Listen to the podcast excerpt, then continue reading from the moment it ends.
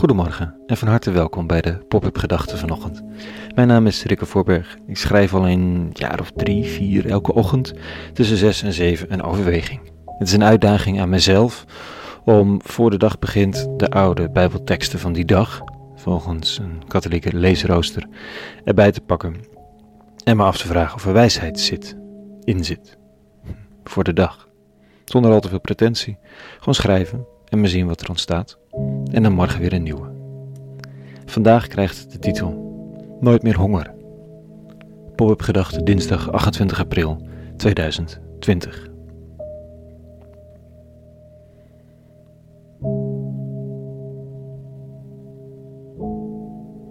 Honger kennen we niet.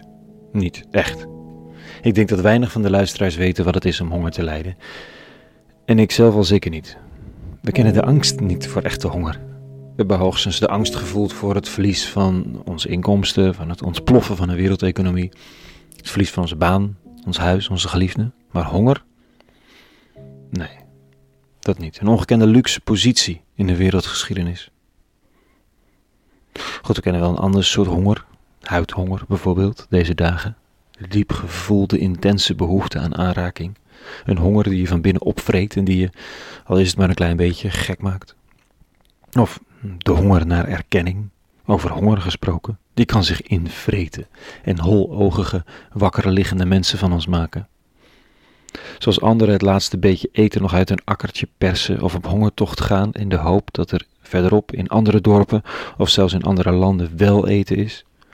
Zo kan de 21ste eeuwse mens lang rondzwerven, rondgrazen in de aarde wroeten en zichzelf afpeigeren, omdat de maag schreeuwt om herkenning en de hongerklop je gek maakt. Honger naar de liefde, honger naar wat voor verzadiging dan ook. We kennen allemaal honger. Zij het dat de honger naar erkenning of huid of liefde soms kan voelen als een luxe honger. De vraag is of dat zo is. Of de eenzaamheid of het gevoel van minderwaardigheid niet net zo slopend kan zijn. Ik weet het niet. Ik kan het niet vergelijken. Vandaag vragen de omstanders aan Jezus van Nazareth of hij niet even een kunstje wil doen. Als hij dan zo'n grote profeet is, kan hij misschien wel even iets bovennatuurlijks laten gebeuren. Dan kunnen ze niet meer omheen. Ze gooien een muntje in de automaat, zo gezegd. Maar deze automaat weigert dienst. Of misschien is het wel geen automaat. Of is hij niet zo goddelijk als sommigen geloven? Allerlei mogelijkheden. Dit staat er. In die tijd zei de menigte tot Jezus: Wat voor teken doet u dan wel, waardoor wij kunnen zien dat wij in u moeten geloven? Onze vader hebben bijvoorbeeld het manna gegeten in de woestijn, zoals geschreven staat: Brood uit de hemel gaf hij hun te eten. Wat doet u eigenlijk? Dat is een mooi zinnetje. Hé, hey, wat doe je eigenlijk voor? Jezus zei: Voorwaar, voorwaar, ik zeg u: Wat Mozes u gaf, was niet het brood uit de hemel, hè? Het echte brood uit de hemel wordt u door mijn vader gegeven, want het brood van God daalt uit de hemel neer en geeft leven aan de wereld. Ze zeiden tot hem, oh, nou weer, geef ons altijd dat brood. Oftewel, nou, kom maar op dan. Jezus sprak tot hen, ik ben het brood des levens. Wie tot mij komt zal geen honger meer hebben, wie in mij gelooft zal nooit meer dorst krijgen. Nou, boem, sta je dan, als uitdager. Tijd om totaal af te haken, of nieuwsgierig te worden.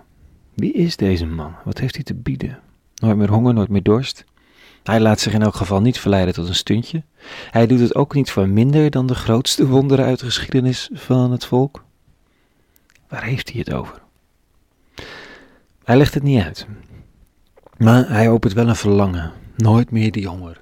Naar erkenning, naar geliefd zijn, naar zekerheid, controle, toekomst. Nooit meer door een wonder gered hoeven worden omdat het al goed is. Nooit meer zo afhankelijk, niet meer die paniek, omdat je weet dat het al goed is.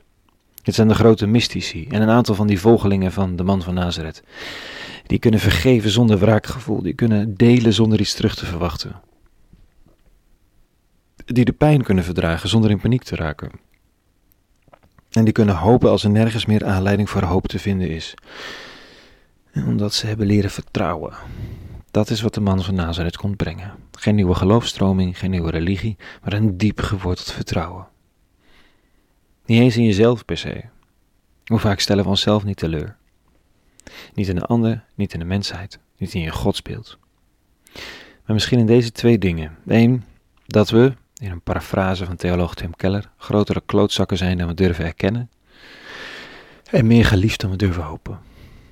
En twee, dat het goede waar we zo graag deel van uitmaken altijd met open armen op ons wacht en dat het uiteindelijk aan het langste eind trekt. Die twee. Dat vertrouwen. En dat dit elke dag weer als voedsel dient voor lichaam en geest. Ik denk dat het daarover gaat als JC deze cryptische woorden spreekt. Maar hij legt het niet uit, dus het kan ook allemaal heel anders liggen. Ik heb in elk geval gegeten en gedronken voor vandaag.